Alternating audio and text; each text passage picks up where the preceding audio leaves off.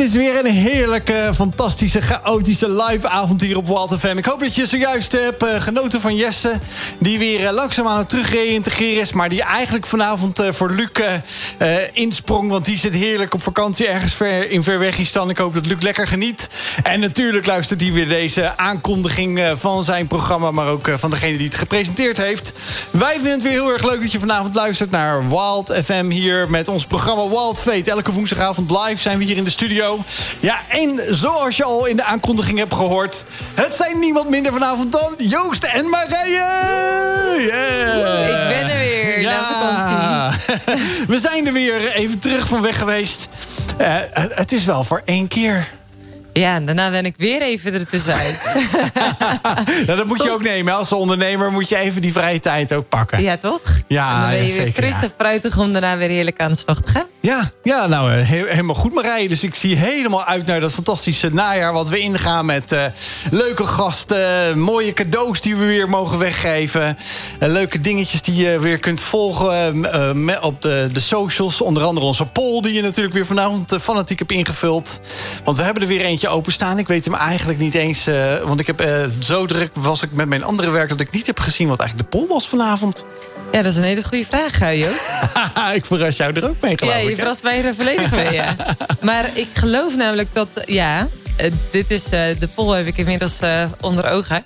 Ik heb wel eens een donatie gedaan voor een crowdfunding actie. Kijk, dat heb ik wel eens gedaan, ja. En ja, jij? Heb je dat wel eens gedaan? Oeh, ik ken niet zoveel mensen die crowdfunding hebben gedaan. Dus uh, dat weet ik eigenlijk niet zo goed. Nee, nou dan. Uh, nee, nee, maar dat is dan gelijk een mooi stokje voor mij om de, de gast van vanavond aan te kondigen. Want waarschijnlijk is daar wel iets met crowdfunding. Heeft dat te maken. Maar het is in ieder geval een uh, fantastische, goedlachse dame die hier vanavond aan tafel zit. bij ons hier bij Wild Fate. Zij heeft denk ik wel de mooist gelakte nagels van ons in ieder geval vanavond hier aan tafel. Want die van mij zijn afgekloven. Daar word ik thuis wel eens op aangesproken. Het is toch wel jammer dat we vanavond geen livestream hebben. Voor de mensen die denken, hoe dan? Ja, ja, ja dat, is, uh, dat is een echte art. Maar de, ja, het is in ieder geval het is een dame die echt heeft geleerd om... Uh, ja, uh, echt misschien ook wel afhankelijk te zijn... echt van wat God in haar leven doet tot op, uh, ja, tot op de, de, de centen na... die ook daar uh, in haar leven natuurlijk wel nodig zijn... om te leven en te eten. Ja, het is niemand minder dan uh, Marieke Sleurding. Yay! En ze heeft er zoveel zin in, want ze vindt radio zo gaaf. Nou, dat is natuurlijk al wel, dat is wel een inkoppertje voor ons, Marieke. Nou, ja, ik vind radio gewoon heel leuk. Want ik hou van praten. Dat zei ik al. En mijn nagels zijn gelakt door mijn dochter van 15. Wauw. En ik heb voor het eerst zo inderdaad van die artistieke nagels. Uh, het was eigenlijk voor om naar het strand te gaan. ja, daarom die blauwe kleur. Hè? Blauwe, ja. Ga je dus het matcht eigenlijk helemaal niet met wat ik aan heb. Maar ja, dat maakt niet uit, want ik vond het ook heel mooi. Nou, ja, ja en dat heb je ook met, uh, met drie vrouwen waar ik thuis mee leef. Uh, ja, dan zie je dat allemaal voorbij komen. En dat is dus wat mij dan opvalt. Ik weet niet of, of, of jongensvaders dat ook op zou vallen. Maar dat is in ieder geval wel wat mij dan even weer opvalt. Hebben ze dan nooit jouw nagels? Ja, heel toen, ze, toen ze klein waren. Maar dat ga ik niet meer doen nu hoor. Knipjes nee, in deze, ja, knipjes in mijn haar. Uh, probeer maar eens een, uh, probeer eens een vlechtje te maken bij mij. Nou, dan wens ik je heel veel succes erbij. Meestal gaat dat niet lukken. Ja, dat is mooi. Ja, ja. Maar uh, ja, zoals je van ons gewend bent... wij hebben altijd wel iets meegemaakt... wat we eigenlijk waar we gelukkig van worden.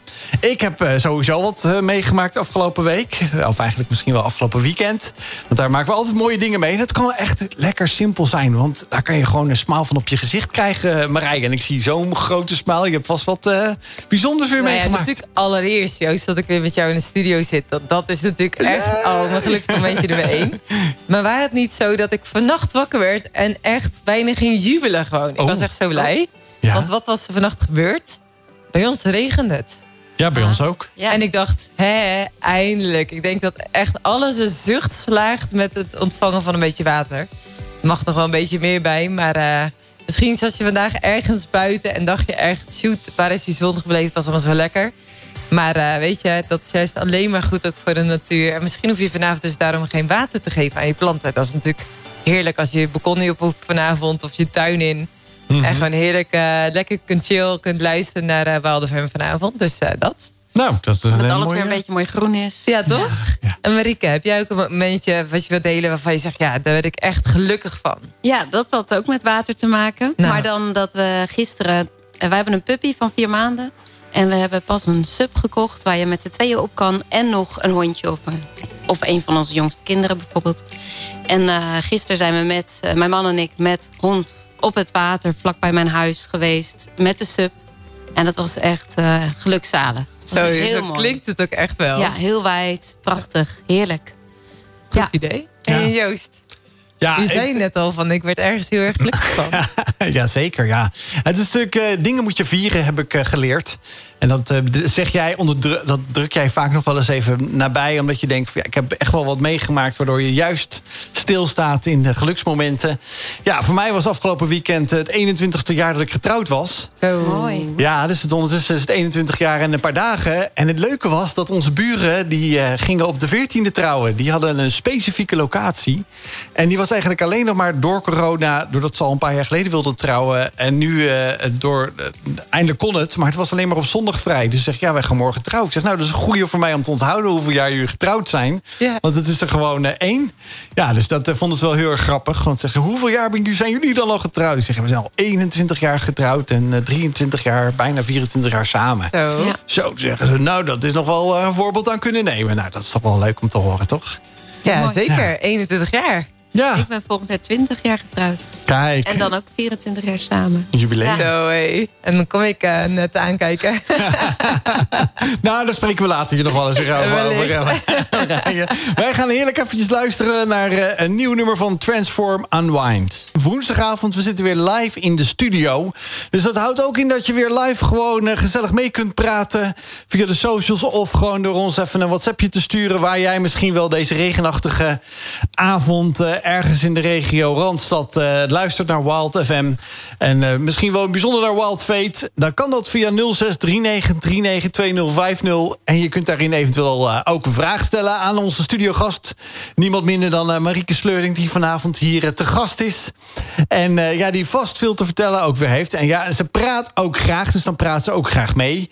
Ik ben heel benieuwd naar haar verhaal. als we de tijdmachine weer instappen in het tweede uur. En uiteraard proberen we er ook nog dit uur een uh, Bijbels weetje van onze collega Rien erin te proppen. En misschien denk je wel, oh, ik mis Rien. Nou, wees niet ongerust. In september gaat hij geheid nog een keer uh, achter die microfoon kruipen... als ik hem uh, zo, uh, zo gek kan krijgen eigenlijk. Maar volgens mij was hij heel enthousiast, toch Marije? Jij hebt ja. met hem samengewerkt. Ja, Joost moet oppassen voor jouw plekje daar. Want ik denk dat Rien het zo leuk vindt... dat hij denkt, ik wil vaker met Marije radio maken. Ja, ja. ja en volgens mij zit hij met iets te zwaaien daar. Oh ja, je zit te denken, oh ja, ja, dat moet ik ook zwaaien. Ja, helaas vanavond nog geen live... nee, dus ik had een heel goed idee. Ja. Want als mensen nou even ons appen op 0639392050... Ja. dan maak je namelijk kans op een album van Marika. Ja, dat vind ik een hele goeie. Ja, goed idee hè? Dat, nou, fantastisch, alsof je daar, uh, daar... Daar heb je al heel de dag over nagedacht. Wellicht, ja. Dus ja. We, we houden hier altijd van weggeven. En iedereen houdt natuurlijk stiekem van een verrassing... door de brievenbus heen krijgen. En ook en ontvangen. Ja, toch? Gra gratis. Gratis zelfs nog. En uh, Marieke, daar gaan we straks allemaal meer over horen. Zij heeft echt een waanzinnige stem. Ze houdt niet alleen maar van praten... maar een dag niet gezongen is een dag niet geleefd... is een quote van haar. En als je nu zegt van... ah, ik hou altijd van muziek... stuur ons dan even een appje, stuur je vragen, wat dan ook. En uh, wellicht maak jij, krijg jij dan een uh, album op je deurmat. Ja en, Ja. en zei je nou net even, Marieke, tussen de bedrijven door... dat jij eh, trots was op je 150 volgers of zo op eh Marieke Sleuring? Heb ik dat gezegd? Nee, weet ik niet. Nee. En, ik heb helemaal geen idee heb hoor. 150 volgers? Nee, wel iets meer. Ja, heb jij iets meer? Ja, ik, Ja. ik heb er maar 139 gedaan. Maar, maar ik moet zeggen, ik weet, kan je nu niet zeggen... Het is niet heel veel, maar kan je niet zeggen hoeveel. Nee, maar als mensen gewoon nou sowieso nieuwsgierig zijn naar de... Post je daar ook die mooie de- nagels die je dochter van 15... eh, Maar misschien Nou, moet je dat nu wel staat gaan doen, ja. Er staat wel echt een prachtige subfoto op. Ja dat, ja, dat was in mijn eentje. En, daarna, en, de, en, en, en een foto van de hond bij zonsondergang. Oh. Dat water woon ik vlakbij. Dat is gewoon zo mooi. Zo. Iedereen Ja. wil verhuizen uit de Randstad. ja, dit, dit, weet dat, dat eh. Nijkerk is de place dat- to be, ja. hoor ik trouwens. Nijkerk. Nijkerk? Ja, dat, dat hoorde ik. eh, dat las ik ergens in de krant. Het is de meest centrale plek in Nederland, Nijkerk. Oh, oké. Volgens mij is dat de ene keer Zeewolde en de andere keer Ermelo. Ja, maar dan ergens Harderwijk daar. en dan- Ja, ja, ja, ja. Ja, er zijn volgens mij meerdere berekeningen over wat Ik hoorde net jou zeggen is. dat daar waar ik woon is overal dichtbij. Oh ja. Ja, dat is toch handig. Behalve Groningen, Friesland en Zeeland en Limburg natuurlijk. Maar, dat is allemaal zo betrekkelijk in Nederland. Jongens, jongens, we reizen de dag, we kunnen een dag naar de andere kant van het land reizen. Ja, Hou je een beetje van reizen, Marieke? Ik? Ja, ik vind het heerlijk om in de auto te rijden eigenlijk. Ehm, en uh, ja, verder, ja, ik zou wel eh, wat meer van de wereld willen zien. Maar ik ben niet zo reislustig dat dat echt een soort... Uh, dat dat buiten Europa moet. Lijkt me heel tof hoor, maar ik ben wel heel tevreden met binnen Europa. Ja, ik ben wel in Brazilië geweest, omdat ik daar een broer vandaan heb. en in India ben ik geweest.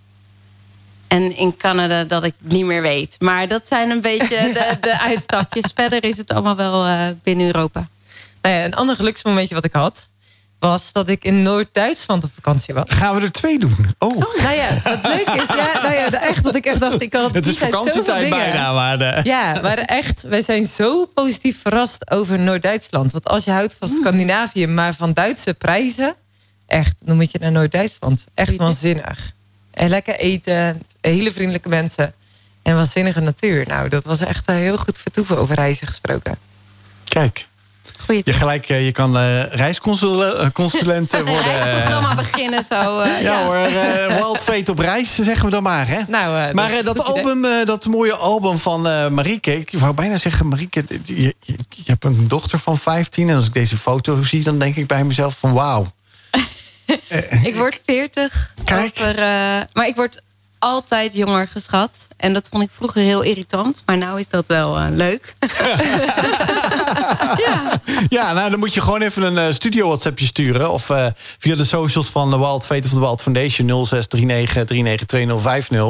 Stuur even een pb'tje, dan krijg jij dat album van Marieke thuisgestuurd. En, dan weet je hoe eruit zie. Ja. ja, en dan heb je een hele mooie foto, maar vooral hele bijzondere liederen. Daar gaan we volgens mij vanavond wel eventjes meer over, uh, over te horen krijgen. Toch, ja, Marije? Absoluut. Ja. Ik ben al benieuwd. Ik zit op het puntje van mijn stoel. Ik, ik ben zo blij dat jij er weer bent. Want ik heb wel een beetje gezweet vorige week. Die week ervoor alleen hoor. Ik, Was het niet zo leuk dat alleen? Ja, en, natuurlijk. Radio maken is gewoon zo gaaf. Dat is gelijk een oproep voor. Ben jij of denk jij misschien wel een, uh, een nieuwe collega bij Wild Fate te worden? Nou ja, uh, solliciteer vooral. Stuur je demo op. Maar het is zwaar hoor. Om te interviewen, techniek te doen. Maar het is zo leuk als je denkt van het werkt allemaal. En het lukt. En ik heb een leuk gesprek. En de muziek is goed. Maar de gedeeld geluk is altijd beter, toch? Ja, dus daarom deed ik het nog een keer ja. met jou. Hè? Maar dan ben ik wel blij dat we gewoon dit weer samen doen. Nou, dat is toch de duo-presentatie is het mooiste om te doen. Vind ik ook. Ja, en ik heb vandaag nog tegen iemand gezegd... dat uh, dan moet je wel met elkaar afstemmen wie wat doet. Dus ik zit je nou aan te kijken van, gaan we nog wat doen? Ja, ik zou zeggen, gooi er wat in. Ja, dan gaan we lekker even, eruit voor eh, Jesus Loves Electro. We zitten in de studio met Marieke Sleurink en zij is artiest. En ze, we gaan vanavond zeker te weten een nummer van haar horen. Maar haar album heet Levensecht. Ja. En ik weet niet wat jou, jouw eh, associatie ermee is als luisteraar. Als je luistert, als je hoort zeg maar, hè, levensecht. Wat zou dat betekenen? Maar eh, kun je ons eens meenemen in, de, ja, in de, de- de- je album? Ja, nou ja, het was een, ehm, een, een levensechte droom om ooit eh, meer met muziek te gaan doen. Eh, om meer gehoord te worden als zangeres. En op een gegeven moment kwam daar ook droom bij om eh, ook zelf lied te schrijven, liedjes te schrijven. Ehm, en eh, ja, dat, dat is in 2018 echt wat, wat serieuzer geworden, wat professioneler geworden. Toen heb ik een band bij elkaar verzameld. En eigenlijk werd toen in eh 2000, ik moet zeggen, door corona raak ik soms een beetje mijn tijdsbesef kwijt. Maar in ehm, 2020 eh, werd duidelijk dat er de mogelijkheid kwam om muziek uit te gaan brengen. Zo, En, dat is eh, echt wel ja. het... dus mijn droom werd Ja. levensecht. Zo Ja. kun je dat zien. En, eh, en levensecht slaat ook op ehm, alles op die cd. Er staan negen liedjes op. Is door mijn levensecht doorleefd. Ik hou heel erg van ehm, in mijn eigen muziek dat het niet een soort. ik betrek daarin mijn geloofsleven. Maar ehm, als je daarover vertelt in muziek, kan het een soort theoretisch verhaal worden. Van nou ja, zo staat het in de Bijbel, of zo zou je moeten geloven, of zo zouden we. Zo, zo doen we het soms alsof we zo geloven. Maar in de praktijk is dat soms nog wel een ander verhaal. En ik wil juist heel graag zingen eh, over die levensechte praktijk. Ja, want kun je Ja. een voorbeeld nemen, eh, eh, noemen waarin je zegt van hé, hey, je kunt zo snel zeggen, zo hoort het. Maar als je naar het levensechte verhaal kijkt, dan is het misschien niet zo makkelijk. Of is het eh, de werkelijkheid wat weer bastiger? Ja, Uh, bijvoorbeeld het lied Lichtvoetig. Uh, dat gaat over, Jezus zegt, mijn juk is zacht en mijn last is licht. En, en, en, hij loopt met ons op. nou ja, soms zou je willen dat iemand anders in jouw schoenen stond. En zou je eigenlijk liever uit dat... Wat Jezus bedoelt is als we het samen dragen... en, en, en als we samen de goede richting op gaan... is het licht Um, maar zo voelt het niet altijd. Soms denk je van, nou ja, ik wil hier onderuit... en uh, laat iemand anders dat maar doen dan. Maar dat kan niet, want jij moet je eigen leven dragen. Um, en dat liedje gaat daar een beetje op een lichtvoetige manier dan over. Of het nummer Oog van de Storm. Um, ja, je kan, je kan denken in de stormen van het leven... kunnen mensen tegen je zeggen, het komt allemaal goed.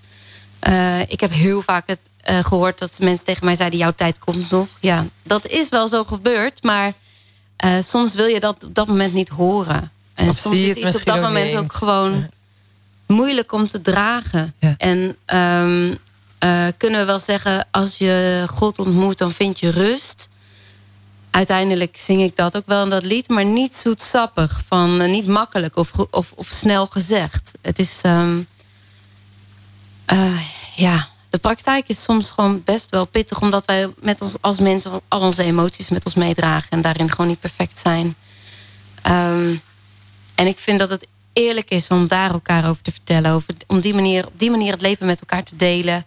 Dat je een inkijkje geeft in hoe niet perfect het bij jou ook kan zijn. Ja, dus echt levensecht. Dus. Ja, ja. Hey, en wat je zo vertelt is dat voor jou muziek absoluut vaststaat of samenhangt met jouw geloof. Met uh, het stukje spiritualiteit wat je hebt ontdekt, waarvan je zegt van hé, dat is voor mij echt gewoon de basis van mijn leven, of in ieder geval heel erg belangrijk. Ja, voor mij is dat waar ik echt mijn identiteit in gevonden heb. Kun je, kun je dat eens vertellen? Hoe is dat? Hoe is dat? Wat betekent dat? Als ik zou bedenken van uh, ik had dat stuk niet, mijn geloof in God of mijn houvast aan uh, wie Jezus voor mij is en mijn leiding door de Heilige Geest. Um, als ik dat niet zou hebben, ik kan me dat niet voorstellen. Ik denk dat ik het meest wezenlijke gedeelte van mezelf kwijt zou zijn. En ik, um, ik heb altijd al in God geloofd. Dus ik vind het daar ook wel soms lastig om me daar uh, in te verplaatsen in iemand die heel anders is opgegroeid. Dat vind ik best wel een lastig vraagstuk ook. Van, want ik, ik zit best wel uh, qua karakter in elkaar dat ik makkelijk iets aanneem van een ander. Ik ben heel positief en optimistisch, naïef, soms wel een beetje. Mm -hmm.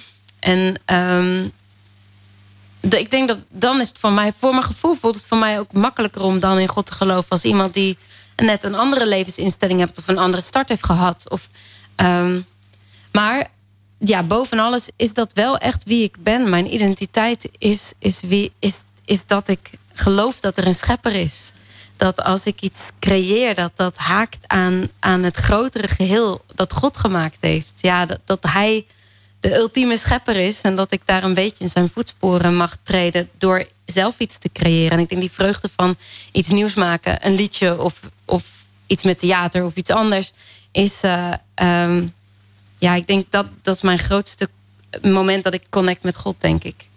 Dat is wel heel bijzonder. Je begint helemaal te stralen op het moment dat je dit aan het vertellen bent. En stel je voor dat iemand luistert en zegt... Ah, dat hele stukje over God is helemaal nieuw voor mij. Uh, je deelt er zo gepassioneerd over.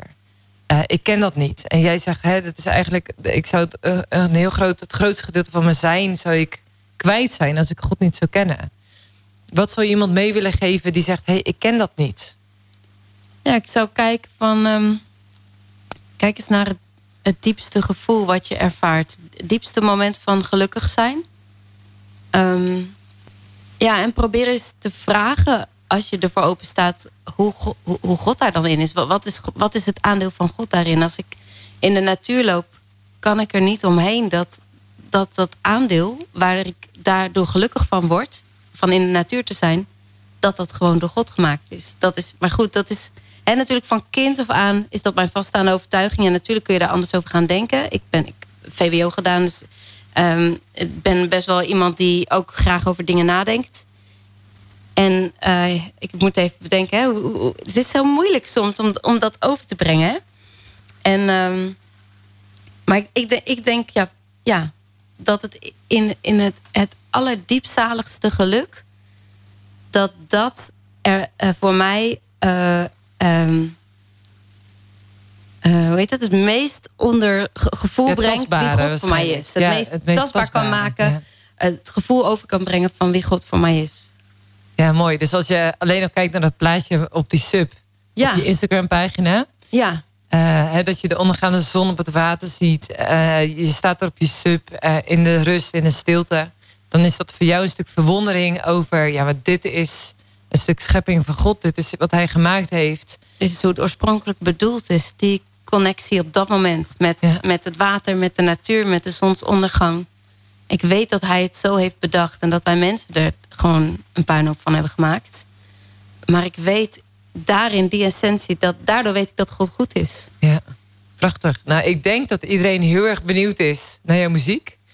Je had het al heel even over dat ene nummer, Het Oog van de Storm. Ja. Kun je hem introduceren? Ja. Aankondigen. Aanko- gewoon korte aankondiging. Ja, zeker. want anders praat ik weer heel lang. Oké, het lied Oog van de Storm ga je nu naar luisteren. Het is het lied waar ik het langst over gedaan heb om het te schrijven. Omdat het het diepst doorleefd is. Het meest levensechte lied van het hele album. Het moeilijkste lied. En ik ben heel blij dat het hierop gekomen is. En dat je ernaar kan luisteren. En ik hoop dat het je mag bemoedigen. Als je op dit moment in een storm zit.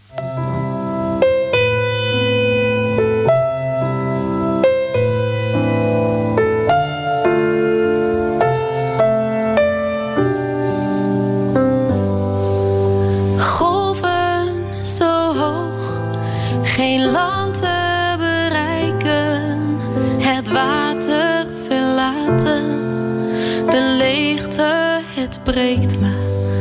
Mijn hart uitgedroogd, de pijn is niet te ontwijken. Het uitzicht wijd, zonder einde, maakt me kleiner, steeds kleiner. Dit is het oog van de storm, de kern van mijn pijn. Niet te ontvluchten, dit is waar ik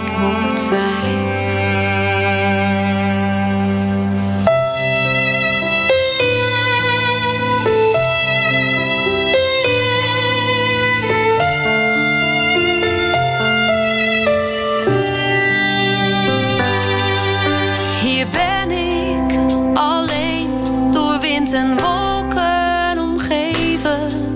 De last mijn trots, ik laat het los. Mijn handen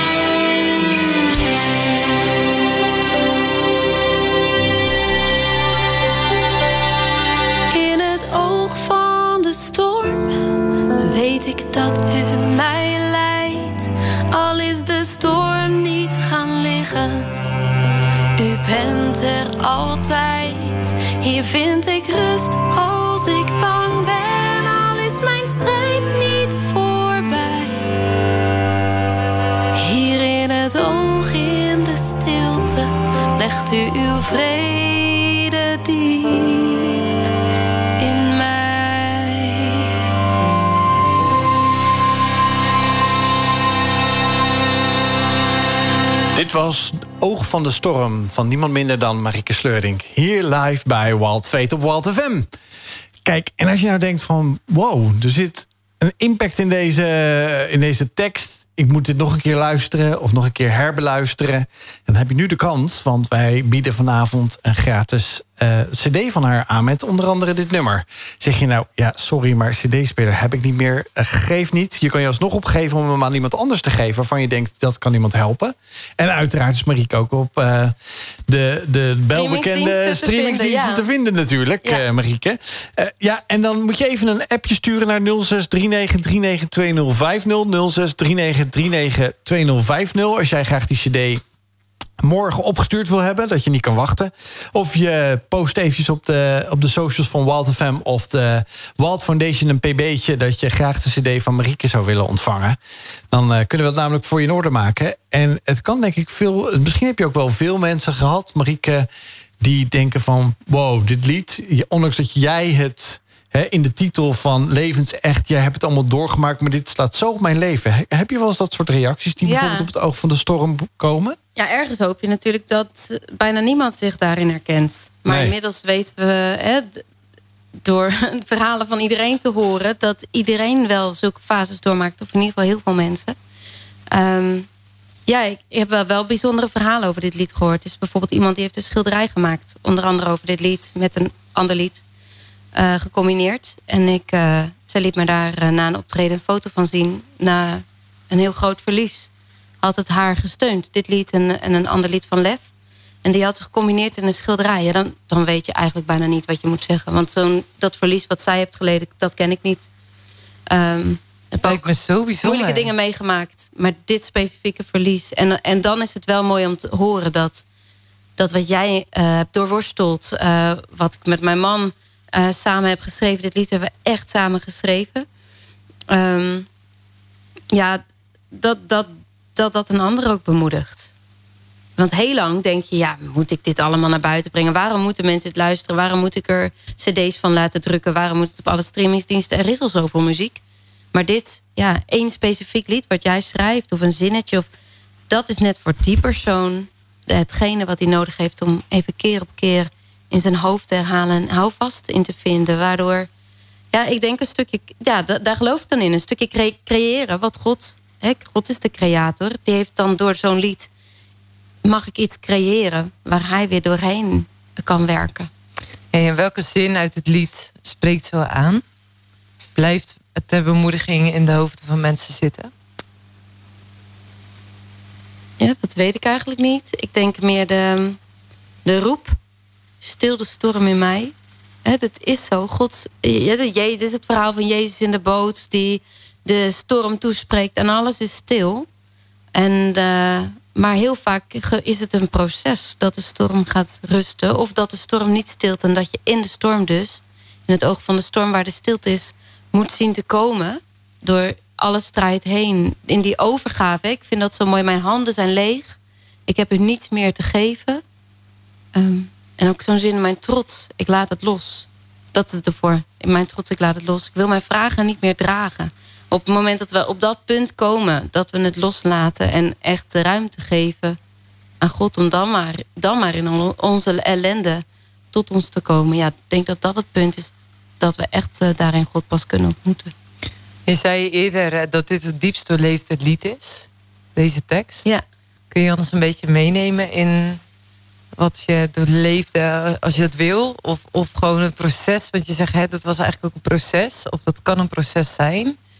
Kun je ons dan eens meenemen in, maar hoe is zo'n proces dan, zeg maar? Want ik denk dat iedereen dat wel herkent. Van, hè, soms heb je van die dingen die zo moeilijk zijn...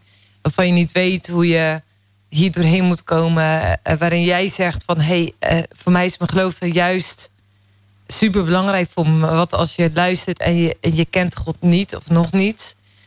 Maar je denkt echt, ik zit zo in een heftige storm. Hoe dan? Ja, voor ons, voor, voor hem, maar ja, mijn man, dit lied is echt vanuit ons samengekomen. Ik heb wel de tekst geschreven, maar we hebben samen aan de melodieën gewerkt. Um, ons gezinsleven was gewoon niet hoe wij het hadden verwacht. En daarin uh, hebben wij uh, heel veel trajecten gehad met hulpverlening. En heel veel momenten gehad dat we samen stonden te huilen in de keuken. Ons te verbijten uh, om niet de kinderen ons verdriet te laten voelen over de situatie waar we in waren beland. met diagnose op diagnose. Um, zoveel schoolgesprekken. Ja, ik vind het altijd wel iets. Het is heel, het is heel lastig. Hè? Daar hadden we het net heel eventjes kort tussendoor over wat vertel je over je kinderen en wat niet. Um, en gelukkig gaat het nu nog steeds wel met ups en downs, maar heel goed. Maar we hebben echt momenten gehad dat we het gewoon niet meer wisten. Kunnen we nog wel voor dit gezin zorgen? Kunnen we dit dragen? Uh, wanneer, wanneer staan we is eindelijk niet meer op de wachtlijst, maar zijn we aan de beurt? En hebben we dan de juiste hulpverlener die hier het licht op kan schijnen? Of zitten we dan weer in een kantoortje te praten met iemand die zegt: Oh, jullie doen het zo goed. En vervolgens kom je thuis en dat je denkt: Ja, maar hoe, hoe moeten we hierin uh, staande blijven? Hoe, hoe hebben we nog. Uh, hoe vinden we ons nog onszelf in, in, in wie we zelf zijn, in wie we als man en vrouw zijn? In, um, ja, op een gegeven moment was dat echt wel zo'n neerwaartse spiraal waarin we uh, gewoon een soort opvoed-burn-out hadden. Uh, naast dat ik ook wel eerder een burn-out had gehad. Maar dit was echt... Het, het, ik, kon, ik kon gewoon niet meer met het gezinsleven. En, um, ja, dus daarin hebben we samen zoveel doorworsteld en zoveel meegemaakt... waarin we gelukkig juist heel sterk zijn geworden... in plaats van uit elkaar te, gaan, te drijven. En dat, wel, uh, is dat is voor ons echt wel dit lied.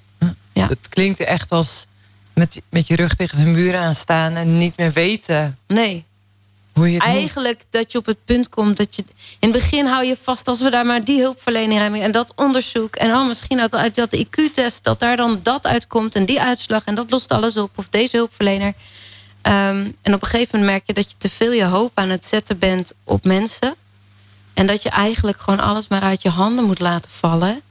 Als een soort uh, vaas. Je hebt de hele kostbare vaas, die wil je natuurlijk het liefst vasthouden. Maar soms kom je op het punt dat je maar uit je hand moet laten flikkeren. En dat die stukjes op de grond valt.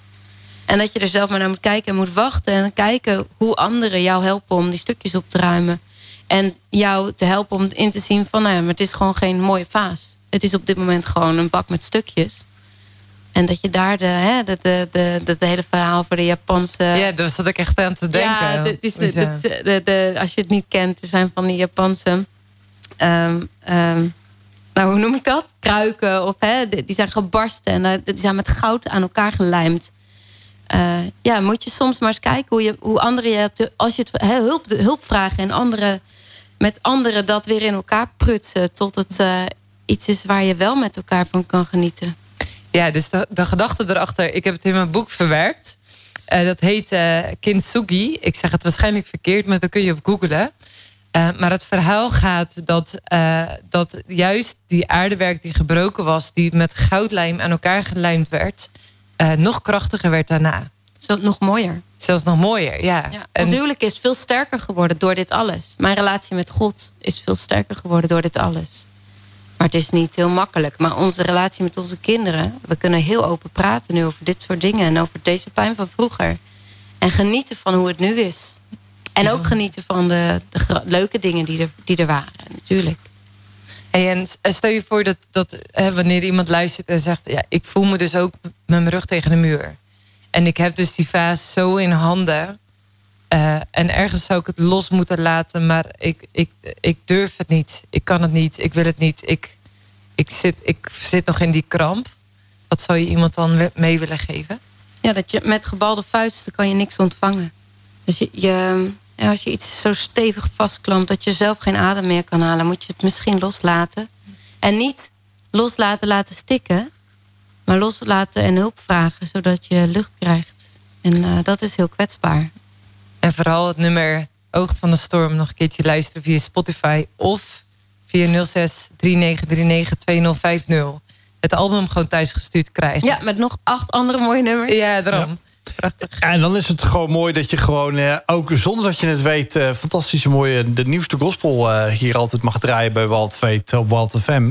En dat je dan echt zo'n prachtig nummer hebt... wat ik denk ook heel mooi hierop aansluit van eh, Jonathan eh, Trailer.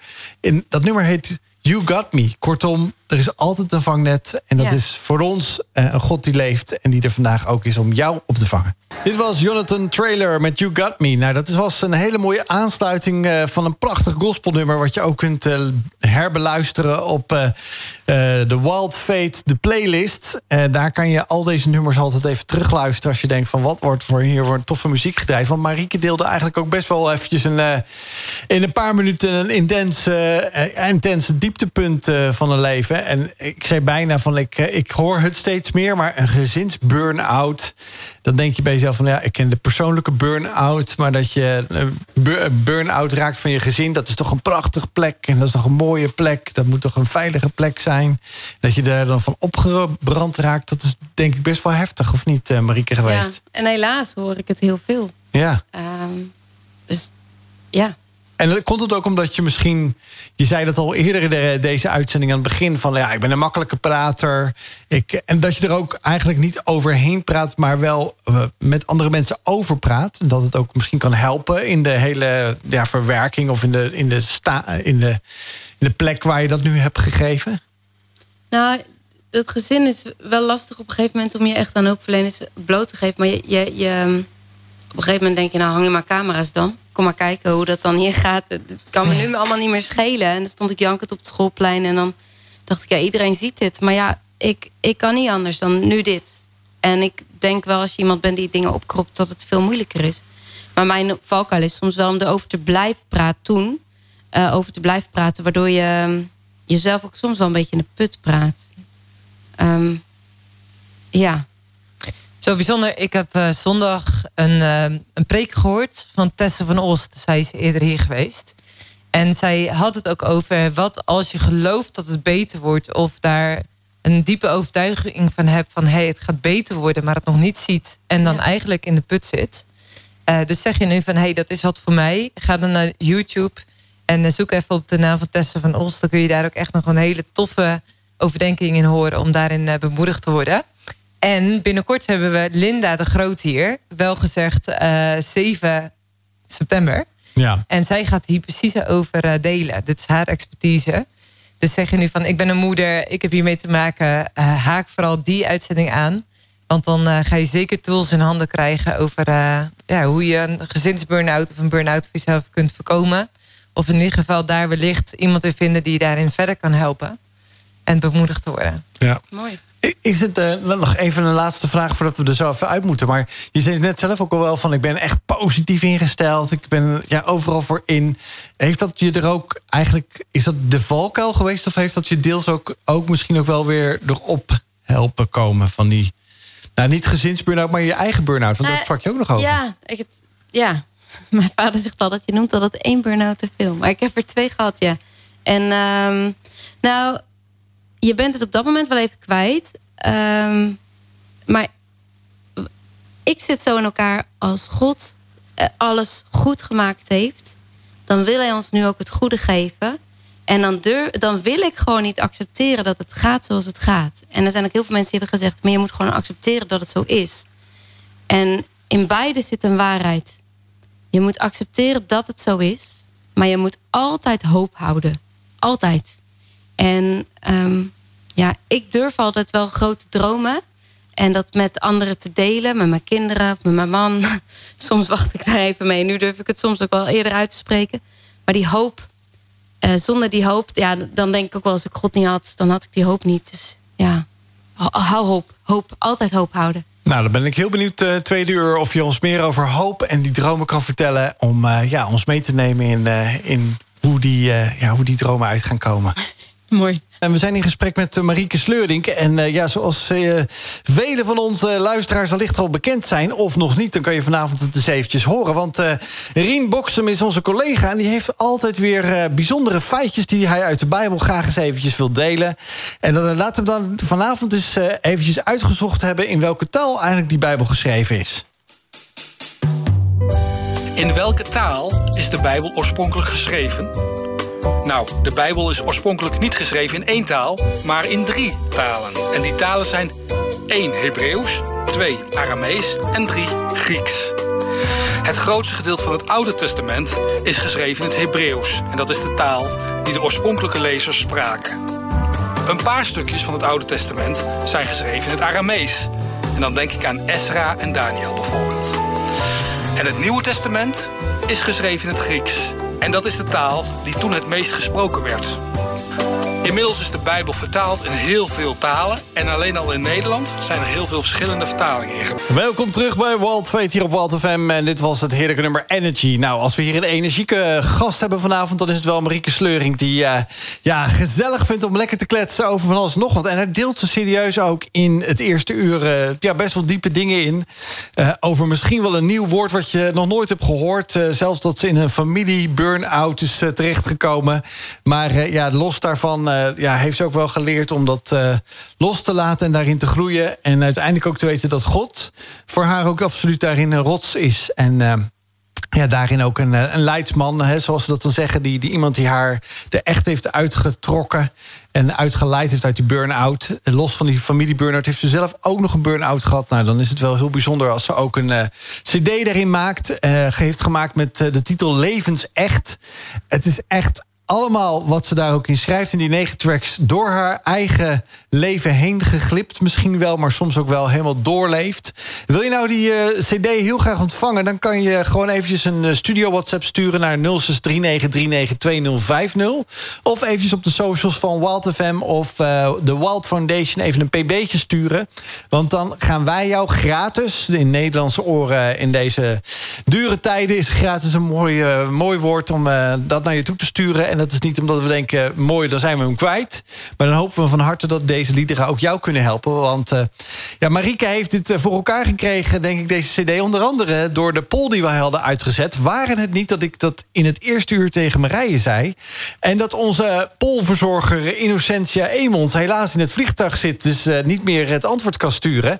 Maar volgens mij heb jij ook wat met die, met die vraag te maken over crowdfunding, Marieke. Ja, ik heb een crowdfunding gestart... Uh, eind vorig jaar. En uh, dat, uh, ja, dat heeft heel veel in gang gezet. Ik had al vijf liedjes uitgebracht online. En omdat dat wel goed landde... en ik toch het verlangen had om toch nog een paar liedjes daaraan toe te voegen... Um, ben ik een crowdfunding gaan doen. En toen ben ik dus, heb ik dus een cd laten persen met negen liedjes in totaal. Even voor de luisteraar, hoeveel geld heb je daarvoor nodig? De, uh, dat kan variëren tussen de 10.000 en de 20.000. Zo. En ik had een strijkerskwartet voor twee liedjes. Dus dat ging uh, wel uh, meer naar de 20.000. En daarvan is eigenlijk voorzien in 19.000 euro. Um, alles bij elkaar. Dat is een stichting geweest. Dat is provincie Gelderland geweest. Een SENA-subsidie. Um, losse giften van, uh, van uh, familieleden, mensen om me heen. En dus de crowdfunding. De crowdfunding heb ik 6500 voor gekregen. Zo. Ja, en dat is best wel een um, spannend iets, crowdfunden. Want je moet echt niet alleen jezelf in het voetlicht zetten van... nou ja, um, luister naar mijn muziek. Maar je moet er zelfs vooraf, voordat je iets uitbrengt... gaan zeggen, je, dit is de moeite waard om naar te luisteren. Maar je moet, dit is dus ook de moeite waard om vooraf jouw geld in te investeren.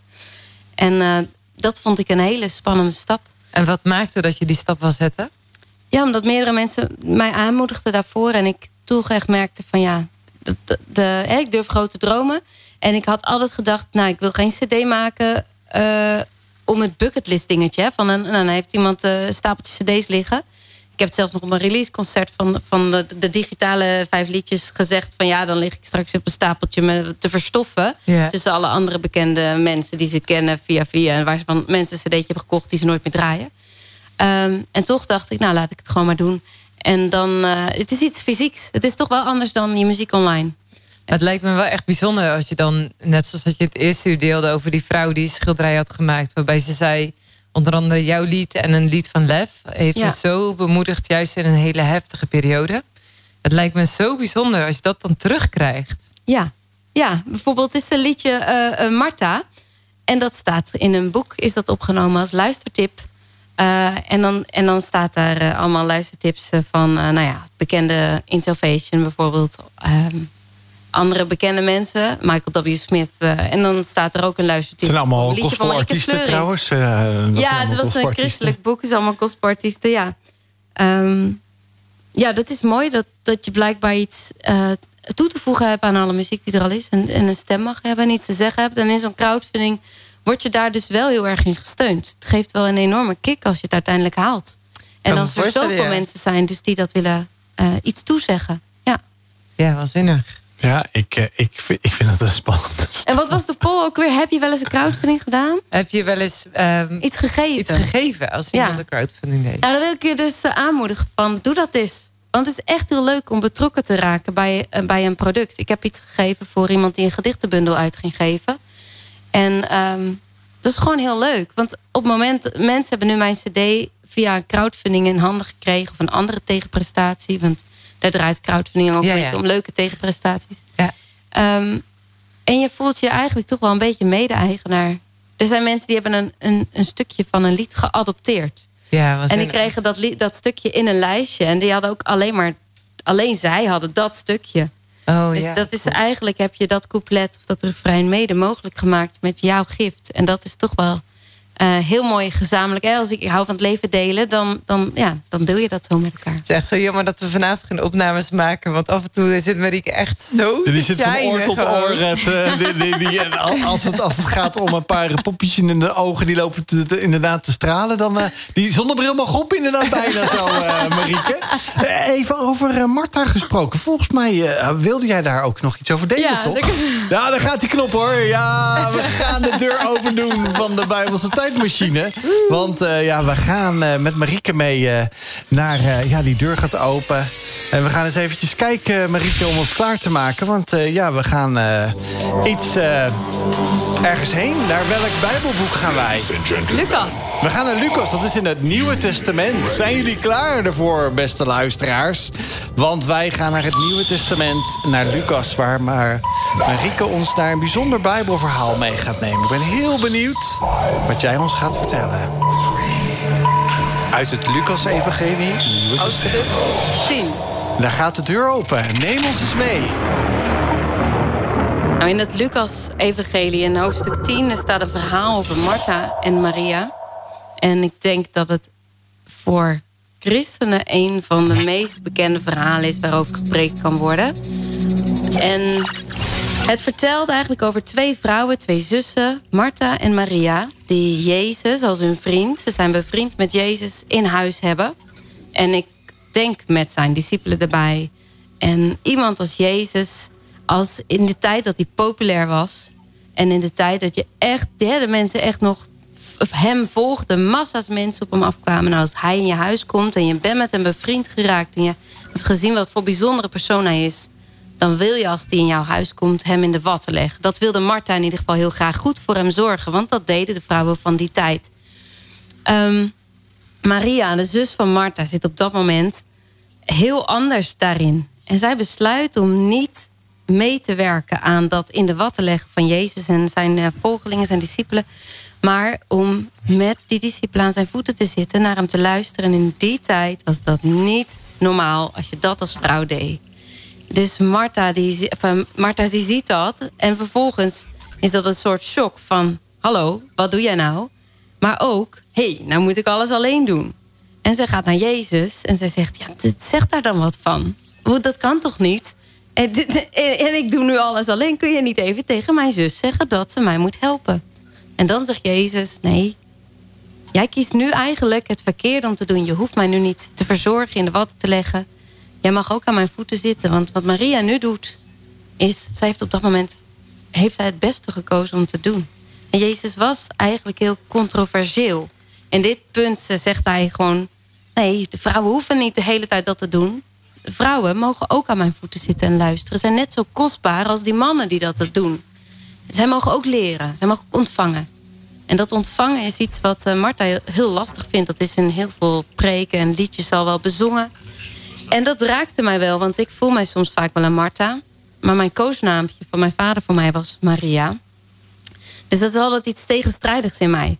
En um, ja, ik voel mij iemand die graag iets doet. Graag iets in gang zet. Maar ik heb ook, we hebben het net over hadden. Ik heb twee keer een burn-out gehad. En op het moment dat je alles uit je handen moet laten vallen... en moet erkennen dat je eigenlijk niks meer kan. Geen boodschappen doen, geen auto rijden. Ik kon niet de winkelstraat overlopen, want het was veel te veel prikkels. Ik kon het liefst alleen maar donker en, en niks om me heen. En ehm, ja, dan moet je toch erkennen dat je in je drukte... gewoon veel te veel hebt gedaan. Jezelf keihard voorbij bent gerend.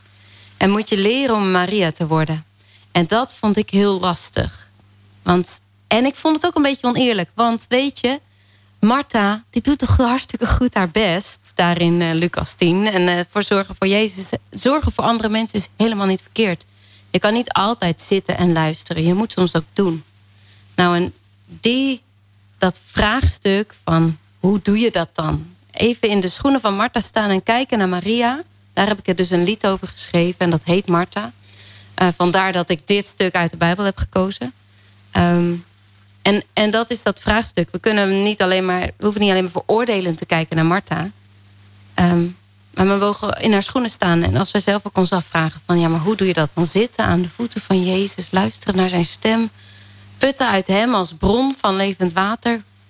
Hoe doe je dat dan? Soms wil je dat wel, maar weet je niet hoe.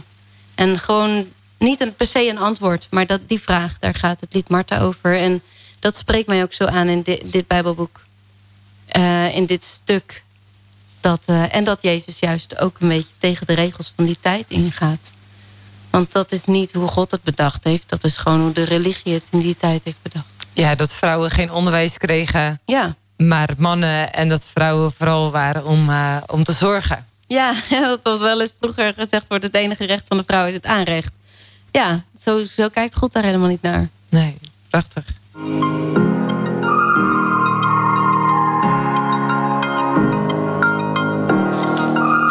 Dit was Misanador, The Healing. Nou, dat is wel bijzonder uh, mooi nummer. Ook uh, na het, ja, de Bijbelse tijdmachine waarin uh, Marieke ons meenam naar, naar Lucas 10. Het Martha-verhaal, wat je heel persoonlijk ook deelt. Ja, helaas, ik had de muziek niet digitaal al klaarstaan. Want als ik dit had geweten, hadden we natuurlijk jouw uh, lied ook gelijk gedraaid. En nu denk je misschien, uh, ja, je hebt het weer over een, uh, een, lied wat ze gemaakt heeft en ik heb het niet gehoord. Dan kan je nu dus die cd van haar krijgen bij, bij ons, via ons. Door even een appje te sturen naar 0639392050 of een pb'tje te sturen naar, naar Wild FM of naar de Wild Foundation. Dat kan ook nog na de uitzending als je denkt van ik heb nu geen tijd om die telefoon te pakken en te doen. Want uh, nou, deze actie eh, die blijft uh, gewoon nog even staan. En dat je, dat je graag deze cd wil ontvangen. Want daarin heeft zij negen tracks gemaakt die levensecht zijn doorleefd. Waarvan de laatste vier ook met een crowdfunding... waar we ook daarvoor al over spraken. Nou, en dat is een heel avontuur geweest al met al, toch Marieke? Jazeker. Ja, en als je nou dus geen cd-speler hebt of niet bij die cd's... dan kun je ook gewoon op een streamingsdienst al deze liedjes luisteren. Kijk, dat, is, toch de techniek van tegenwoordig. Ja. Hè? Ja. ja, ja. Hey, ik ben nog wel benieuwd. Hè. Je had het net over die Marta en die Maria. Marta die zo hard werkte en die echt gewoon totaal gefrustreerd was over haar zus. Die dus blijkbaar aan de voeten van Jezus ging zitten en gewoon ging luisteren naar wat Jezus te vertellen had. En je had het toen over hè, dat zitten aan de voeten van Jezus en die laten vullen of uit hem putten als bron. Ja. En toen dacht ik echt, ja, maar wat is dat dan? Zeg maar, wat is het zitten aan de voeten van Jezus. Want Jezus is hier niet nu concreet. Ik kan niet concreet aan zijn voeten gaan zitten en eens luisteren wat hij te zeggen heeft. Uh, maar ook wat heeft hij dan te brengen dat hij dus zo'n bron is van... is dat inspiratie of is dat een bron van... wat is dat dan en, en wat betekent dat dan concreet in het leven of voor jou in jouw leven? Nou, ik moest er vandaag even aan denken toen ik al... Jij had zei ook, hè, wat fijn dat het geregend heeft... want het heeft de natuur zo nodig we zien eigenlijk nu pas een paar jaar wat water eigenlijk voor. Uh, wat water als het ontbreekt daaraan, wat het teweeg brengt, de droogte. Die, ik, als ik door het bos loop nu, na, na de regenbuien wat minder, maar dan, en je stapt op een blaadje, dan hoor je er bijna verpulveren onder je voeten. Nou, dat geluid, dat kennen wij echt alleen maar van, nou ja, van de laatste paar zomers. Um, dus ik werd me heel erg van bewust vandaag ook. Um, van heel levend water. Water, waarom is dat dan zo'n uh, Jezus als bron? Waarom is dat dan uh, zo'n mooie uh, vergelijking? Nou, omdat het voor mij ook zo voelt. Wat ik net zei, als ik niet in God zou geloven... als ik Jezus niet met me zou hebben... dan zou ik de essentie van mezelf dan zou ik dat eigenlijk kwijt zijn. En dat is denk ik het mooie van hè, een boom die wortelt en zoekt naar water en zich daardoor laat voeden. Een bron waar je water uit put omdat je dorst hebt. Uh, de droogte die uh, verholpen kan worden, droog, de, dorheid die kan verholpen worden door water. En dat water dat dan echt helemaal van ja, wat je vanuit de grondkanalen, vanuit het binnenste van je ziel kan voelen. En dat is voor mij wat het is om aan de voeten van Jezus te zitten. En als ik dat niet doe, en als, dan, dan blijft het allemaal in mijn hoofd. Maar als ik dat wel doe, echt rust pak en met God neem, de tijd nemen om te bidden. Uh, om even ook gewoon stil te zijn. Of om fijne muziek te luisteren, waarin ik echt voel dat God daarin aanwezig is. Of in de natuur te zijn. Ja, dan voel ik mij alsof, zo'n, alsof ik gevoed word inderdaad. Alsof je echt letterlijk heel erg dorst hebt. En die verfrissing van dat water. Ja, een soort van verkwikking. Ja, een verkwikking. Hey, maar dus als mens verdoord zijn... kan dat te maken hebben bijvoorbeeld met um, heel erg onzeker zijn... of heel erg negatieve ja, gedachten Beschadigd zijn. Gewoon veel meegemaakt hebben... en, en eigenlijk misschien hopeloos zijn... Of, of niet meer weten waar je dan moet hebben... of en die symboliek van die vaas, zeg maar. Echt merken van, hé, hey, ik hou iets vast wat me heel erg dierbaar is... maar ik weet het niet meer. En eigenlijk glipt het soort van ja. het leven uit mijn handen... of ik vind het heel moeilijk om te ontvangen, want ik heb dus die vuisten gebald. Uh, en ik verlang zo naar een stuk verlichting. Net zoals dat nummer wat je hebt, lichtvoetig. Ja. Wat is daar het verhaal van? Lichtvoetig. Nou ja, ook wel de dagelijkse praktijk. Dus inderdaad dat het heel... Uh, um, um, ja, de theorie is natuurlijk, met God is het goed. Dat is, dat is, hè, dat is dat is wat elke christen zou moeten zeggen. Hè? Dat eigenlijk onze boodschap met God is het goed. Het evangelie wordt ook het goede nieuws. Hè? God heeft alles goed gemaakt tussen de mensen en ons door Jezus. Maar in de dagelijkse praktijk moeten wij wel kiezen hoe wij daarin wandelen. Hè? Welke scho schoenen we aantrekken. Nogmaals, dan moet je deze maar luisteren op de streamingsdienst of de cd vragen. Uh, maar um, um, het is wel aan ons de keuze. De, de lichtvoeten gaat over een kast met schoenen eigenlijk. Dat je elke dag weer kiest welke schoenen trek je aan. De, hè, dan kies je de, de, de, de uh, stiletto's. Ja, ga je, ga je, loop je op je tenen of zet je je hakken in het zand? Of loop je in het spoor wat iedereen al doet? Of um, durf je de stoute schoenen aan te trekken? Hè, doe je alles op sloffen? Uh, slof je overal maar doorheen of shock je er maar achteraan? wij kiezen welke s ochtends bepalen wij. Wat, wat doen we aan onze voeten? En zo bepalen we je ook in het dagelijks leven. Hoe ga je elke dag weer opnieuw de dag in? Met de situatie die jou gegeven is op dat moment. Waar je in staat. En die keuze moeten wij wel elke dag zelf maken. Met welke, met welke, met welke schoenen trek, trek je die dag aan? Hoe, hoe loop je de dag door? Hoe sta je erin? Ik, ik, vind dat super creatief, joh. Dat je ja. daar gewoon zo over na gaat denken. Oh, en nou, nou, en nou, welke ik, schoen heb jij aan? Ik, ja, ik zit dat gelijk nu, gelijk eh, inderdaad, gelijk te, te, visualiseren. Dan denk ik, oké, okay, welke schoenen heb ik in mijn kast? Oh, ja, ik heb er nou, niet of liggen er gewoon... Nee, nee, ik, schreef, ik schreef in de... Heb ik keurig de schoenen die ik in mijn kast heb staan... maar dat heeft mijn man. En die van mij die liggen op andere plekken. Oh, die liggen in de kast en de rest liggen in de hele huizen. Nou, dat is ook, eh, bij mijn dochters is dat ook zo hoor. Er liggen overal schoenen van. Maar goed, ja, we kiezen wel zelf. Kijk, die weg is hetzelfde, maar wij kiezen hoe we erop ja. lopen. Of, of we überhaupt de deur uitgaan, ja of nee. En welke weg dan. Dus er zijn zoveel keuzes te maken in het leven. Maar, um, Krijgen we nu al keuzestress van? Ja, maar... Maar, maar dat is wel dat is serieus dat ik denk... van, ja, welke schoen heb ik dat gedaan? Nee, ik heb vandaag slippers, want ik had gehoord... het kan best warm zijn in de studio. Val best mee. Was al warm. Nou, ik ben heel blij dat ik slippers aan heb. Ze heeft nog net niet de strandoutfit aan. kun je mij matchen de nagellak van meteen heel goed. Ja, ja, ja. ja, ja. Nee, maar uh, ik, ik denk... Maar wat was, ik weet de vraag niet meer. Maar, we, maar... Uh, het ging eigenlijk over van dat ik denk van wat creatief brein... dat je ook zo nadenkt over... Nou, dat schoenen, hè, of dat wat je aantrekt, ze noemen dat ook wel gewoon natuurlijk de, de, in, de, in de wapenrusting van, van die in de Bijbel ook staat. In het Nieuwe Testament wordt genoemd over een wapenrusting die christenen aantrekken om zichzelf te beschermen. En dan heb je ook de, de, de, schoenen. de schoenen van het goede nieuws. Hè, die het, ja, die het, de bereidheid om, de bereidheid om dat goede over, nieuws ja. te vertellen. Nou, dat is natuurlijk eigenlijk ook wel een heel bijzonder. Ja, uh, anekdote is het niet, maar een verhaal. Maar, nee. nee. ja. ja. Nou ja, mocht je dat willen lezen en je denkt echt, huh, wapenrusting, waar moet je dan tegen wapenen en zo?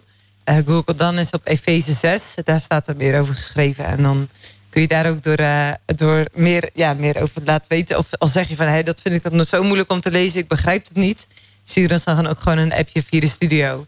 Ja. Of mail ons, want dan eh, komen we daar zeker bij op terug. Want hè, waar zou je dan tegen moeten wapenen? Of hoe kun je dan lichtvoetig door het leven gaan? Of eh, ik voel mijn le- leven een beetje zwaar. Hoe kan ik lichtvoetiger door het leven gaan? Eh, wat voor schoenen kan ik dan aantrekken? Ja. Wat zijn de makkelijkste schoenen? Ja, in blote voeten zou ik zeggen. en dan kom je weer bij eigenlijk hè, kwetsbaar zijn en alles loslaten. Oh ja. Denk ik nu. Ja. Ik heb Ik ooit heb een- pas mijn hond. eh, eh, ik was uit. Het was, was ook een gelukzalig moment. Jij had er twee gedeeltes, ik doe er ook even twee. Hoppa, kom maar door. Eh, ik ging onze puppy dus uitlaten vlak aan het water. En het was heel warm. Dus hij, ik heb hem lekker in het water gelaten. En had met een andere hond gespeeld. Ehm, maar ik moest ook al naar huis. En ik had mijn slippers op het strand liggen. En ik denk, ja, als ik er één ga aandoen... hij was zo speels, dan gaat hij met die ander er vandoor. Dus weet je, ik pak die slippers. Ik roep hem. En het helpt als ik zeg, oh ja, Joekie. En dan gaan we gewoon rennen. Dus ik had het gelukzalige moment... dat ik van het water naar mijn huis rende op blote voeten... met mijn hond. En met mijn slippers in de handen. En ondertussen raakte ik het voerzakje kwijt. Maar zo onbevangen. Toen dacht ik, ja, zo wil ik in het leven staan. Dit doe ik zo weinig. En heb ik een puppy voor nodig. En een beetje tijdsdruk. En eh, dat hij misschien mijn slippers pakt. Om, om zo lichtvoetig eh, eh, naar huis te rennen. En is dit niet wat we allemaal vergeten als we groot worden? Dat Ja. die, die, die lichtvoetigheid, omdat we overal zo moeilijk over doen. De sleutel daarvoor is loslaten, zijn net. Ja. Eh, dan gaan we eerst even de muziek in, want dan ben ik heel erg benieuwd. Wat betekent loslaten voor jou? En dat is vooral een tropisch muziekje, want dat hoort ook een beetje bij deze warme Ja, avonden. Ja. Oh, We zijn hier eh, vanavond bij- bij Wild Fate op Wild FM met de praat graag eh, Marieke Sleuring in de studio. En eh, nou Ja, wat, moeilijke vraag hoor. ja, is het zo? Is het zo? Oh nee, gaat niet, alleen maar eh, zweten van de warmte hier, maar ook gewoon van alle vragen. Het breekt, de zweet breekt eruit. Nou nee, Nog even, er durft niemand meer hier in de studio te komen... omdat we het gaan hebben over levensechte thema's. Ja, dus ik zou zeggen, vooral niet deze aflevering herluisteren morgen via de podcast. Als je de eerste uur hebt gemist. Want eh, Marieke deelt ook gewoon los van het leuke moment. Dat ze zei, eigenlijk kwam ik helemaal los van mezelf. En ja, Marije zei wat anders. Maar ik dacht echt van, het staat zelfs in de Bijbel... dat je moet worden als kinderen. En ik Ja. vind het zo gaaf. Want wij denken vaak, oh, een kind, het regent buiten. Die staan te springen in de regen en te stampen met hun daar laarsjes. had ik van de week ook zin in. Ja. Oh nee, eh, niet doen, want je wordt nat, je wordt verkouden. Maar weet je, A, het is bewezen dat je daar niet verkouden van wordt. En Nee. kinderen die denken helemaal niet over na dat ze nat worden. Want die denken, ik vind het heerlijk om lekker, eh, lekker, lekker in die regen te spelen. Maar de leeftijd dat kinderen dat doen en de hoeveelheid kinderen die dat doen, dat wordt ook al steeds minder. Ja, helaas wel. Dus wij Ja. moeten eigenlijk het goede voorbeeld geven als volwassenen en dan gewoon weer oppakken. Nou, goed idee. En Joost, wanneer was het laatste moment dat jij onbevangen was? En dat was eh, afgelopen vakantie in New York, joh. Gewoon helemaal... in- nou, niet op mijn blote voeten achter de hond aan rennen. Nee, maar me gewoon laten verwonderen dat ik die metro uitstap... en dan zulke hoge gebouwen zie... dat ik echt bij mezelf van denk... hoe hebben ze dit hier ooit neer kunnen zetten? En ik denk dat ik nog het meest verwonderd was... dat, ik, dat er echt een kerk staat midden in New York City... tussen al die mega hoge gebouwen. Cool. Dat dus die plaats van rust en koelte, want het was bloedheet, ook in New York City, dat daar zoveel mensen naar binnen gingen, ook gewoon om even te zitten in die kerkbanken. Adem te komen. Op adem te komen en eventjes, nou ja, jij noemde het Martha-moment. Ja. Eigenlijk het Maria-moment. Maria- dat ja. Mar- Martha ook een Maria-moment moest hebben. Ja. En eigenlijk ook dat. Ik hoop dat eigenlijk mensen een mo- moment hebben over ook van bezinning. Niet van oh, even cool en even mijn mijn benen tot, tot rust laten komen. Maar eigenlijk van wauw. Wat bijzonder dat zo'n plek hier in zo'n stad staat. En mijn dochter, met wie ik samen was, die zei eigenlijk: Pap, ook los van een kerk heeft ook New York eh, City, die heeft die, dat Central Park nodig. Want we zaten daar echt, we hebben daar een, bijna een uur op een bankje gezeten. Los van even bijkomen, inderdaad. Zeg, wat een stilte. wat mooi. een In Central Park. in Central Park, Zo. waar kan je. Nou, dat is denk ik misschien nog wel meer het onbevangen moment dat ik denk: ja, zo stil, zo mooi.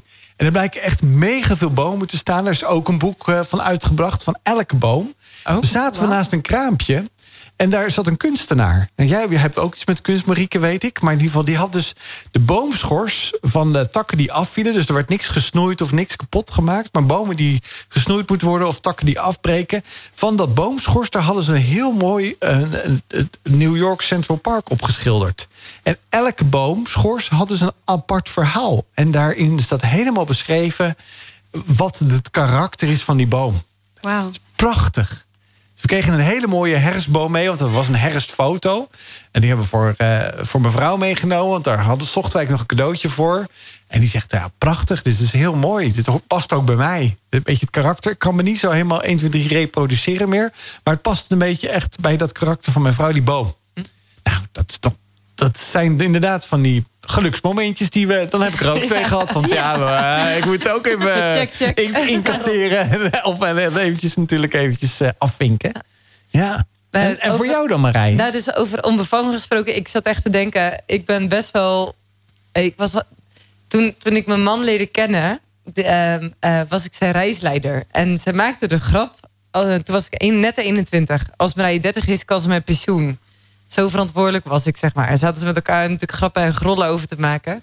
Maar het was wel zo, zeg maar. Ik was wel echt wel jong dat ik alles zag, alles oppakte. Altijd mijn schouders eronder zetten en alles. En ik weet nog dat ik op reis ging en dat we met een groep tieners... en dat we een zeepbaan hadden gemaakt. En dan moest je zoveel mogelijk pionnen omzieberen. En dat ik echt dacht, ja, dag, dat ga ik echt niet doen. ga ik echt niet doen. Jij was de reisleider daar ja, Daar was ik ook leiding, ja. Dus ik dacht er echt van, ik moet er gewoon verantwoordelijk zijn. Ik moet gewoon zorgen dat het goed gaat met iedereen. Ik moet gewoon overzicht houden. Toen dacht ik, nou, wat is dit nou voor onzin? We rijden even normaal. En ik weet nog dat ik dus even koos om dus inderdaad die zeebaan op te duiken... en zoveel mogelijk pionnen zo om te gooien. En dat ik echt dacht, over omgooien gesproken... ik moet mijn leven gewoon eens omgooien. Gewoon veel meer onbevangen in het leven staan en veel meer genieten. En uh, ja, ik probeer dat echt wel uh, veel meer te doen, zeg maar. Gewoon. En ik vind dat, ik heb zelf geen kinderen... Um, uh, ik heb altijd heel erg veel opgepast. En ik vind dat je van kinderen echt dus kunt leren om een stukje onbevangen in het leven te staan. Maar daar moet je wel voor kiezen dus. En de tijd voor nemen. Want jij zegt ik koos ervoor om toch tegen je verstand in te gaan. En die, en die zeepbaan uh, gewoon lekker op te glibberen.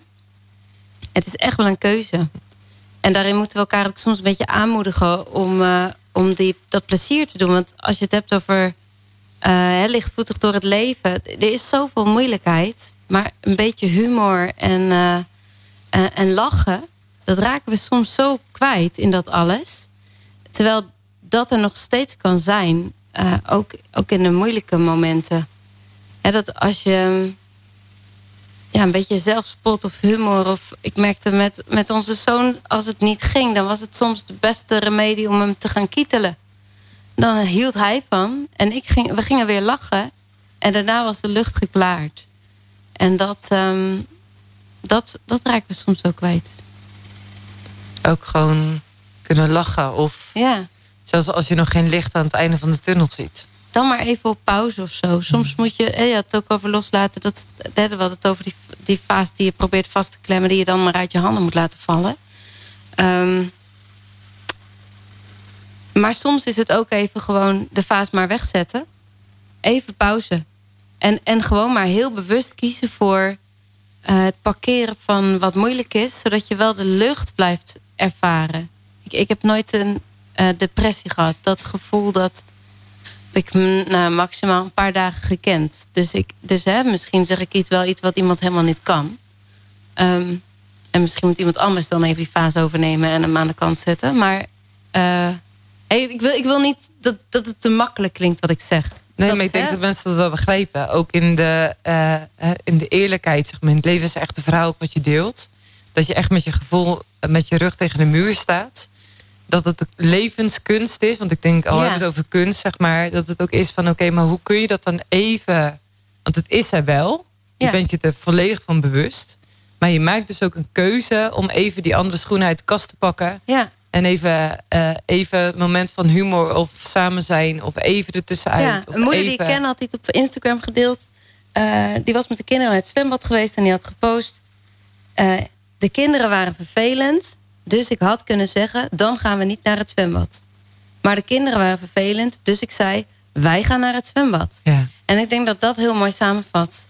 eh, waar je dan voor kiest. Hoe je voor onbevangenheid en speelsheid en lichtvoetigheid kan kiezen. In, in eh, ja, toch wel in de moeite. En dat maakt het leven wel een beetje minder zwaar. Mm.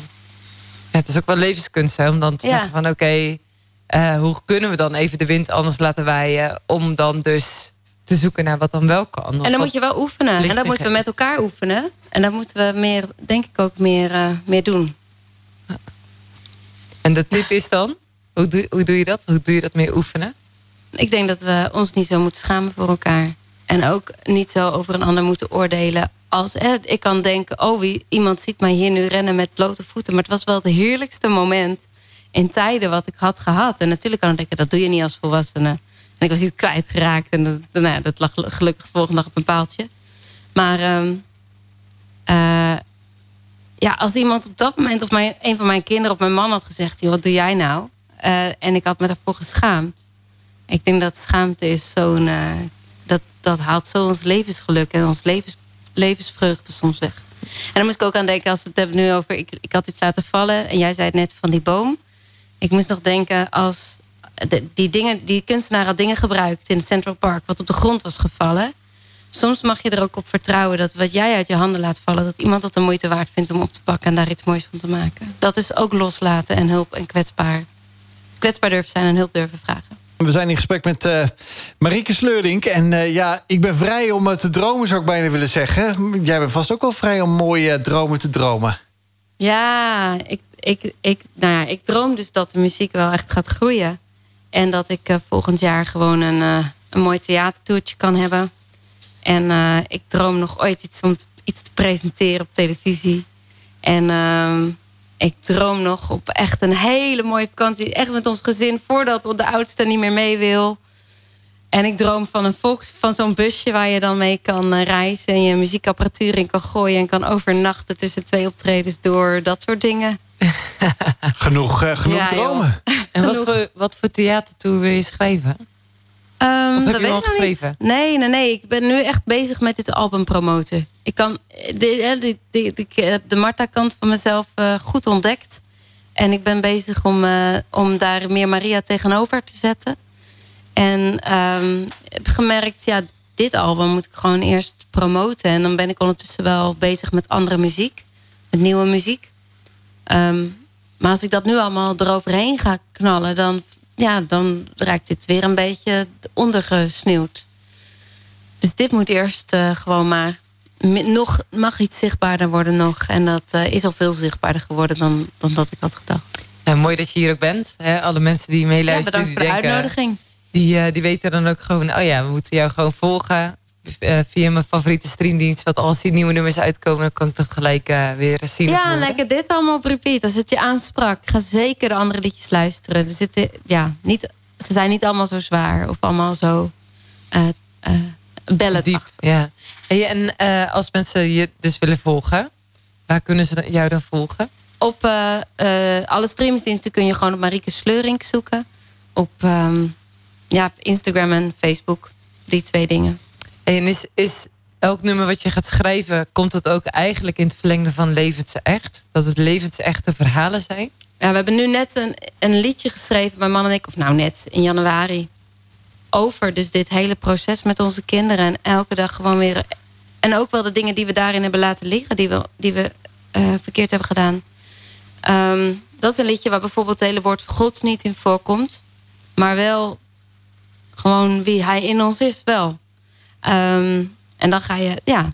eh, ligt dat in het verlengde? Ja, dat is zeker levensecht ik denk wel dat er een tijd komt dat ik misschien wat makkelijker ook over een andere situatie schrijf die ik niet zelf doorleefd heb. Maar net als alles moet je gewoon oefenen. En, en ehm, nou, ik vind dit album wel echt heel, heel goed geslaagd. Ik ben er wel heel, echt heel tevreden over. Eh, maar misschien komt er ook muziek die ik niet zo 100% doorleefd heb. En die ik wel schrijf, waar ook een ander door bemoedigd kan zijn of geïnspireerd kan raken. Dus eigenlijk is het dan wel een levensecht thema. Waar mensen Ja. op aan kunnen sluiten van... hé, hey, dit bemoedigt mij, dit herken ik.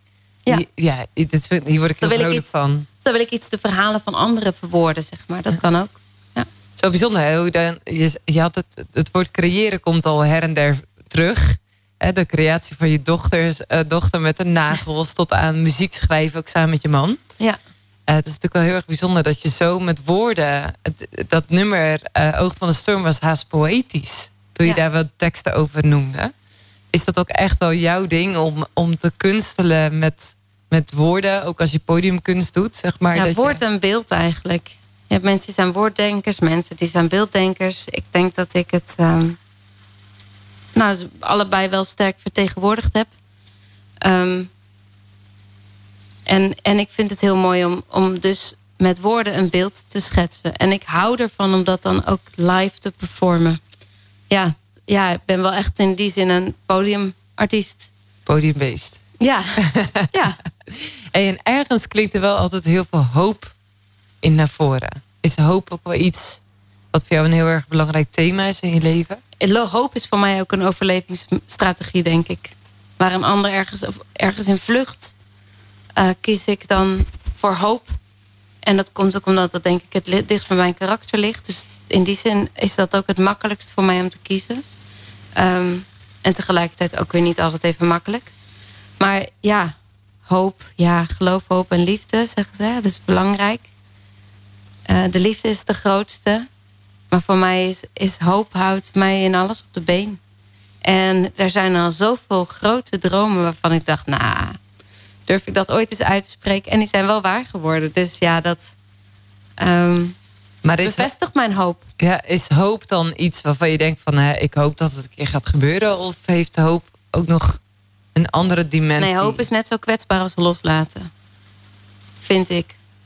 Um, loslaten is eigenlijk ergens durven vertrouwen dat je opgevangen wordt. Hoop is durven vertrouwen dat je niet teleurgesteld wordt. En dat is heel kwetsbaar. Dus is echt wel een flinke keuze. Maar ik geloof ook dat je... Als je hoopt en met, met de juiste mensen om je heen... Dat is ook belangrijk, hè? Juiste mensen om je heen. Um, daar moet je soms ook voor knokken, juiste mensen om je heen. Maar als je, als je hoopt met de juiste mensen om je heen... dan ga je meer dromen uitzien komen dan dat je had gedacht. Zo, dat klinkt als echt een prachtig slotakkoord. Ja. Zeker. Uh, ik vond het echt heerlijk om uh, zo naar je te luisteren. Uh, af en toe echt je stralende gezicht te zien. maar ook het eerlijke, oprechte verhaal wat je deelde. En daarin ook hoe daarin God voor jou ook echt zo'n belangrijke basis is. datgene waarvan je zegt, daar heb ik mijn wortels in uitgeslagen. Vond ik echt heel erg tof om te horen. En ik ga nadenken over met welke schoenen ik morgen ga lopen. Kijk, dat staat gelijk wel weer vast. oh, ja. nou, het mooie is als je morgen nou uh, het hele verhaal van Marieke nog een keer wil horen... of wil delen met iemand of het eerste uur hebt gemist... dan kun je je ook abonneren op uh, je, favoriete streamingsdienst... op Wild Fate. Wild Fate, dat is dus niet de muziek... maar dat is Wild Fate is alleen de podcast... en dan hoor je nog een keer het verhaal terug.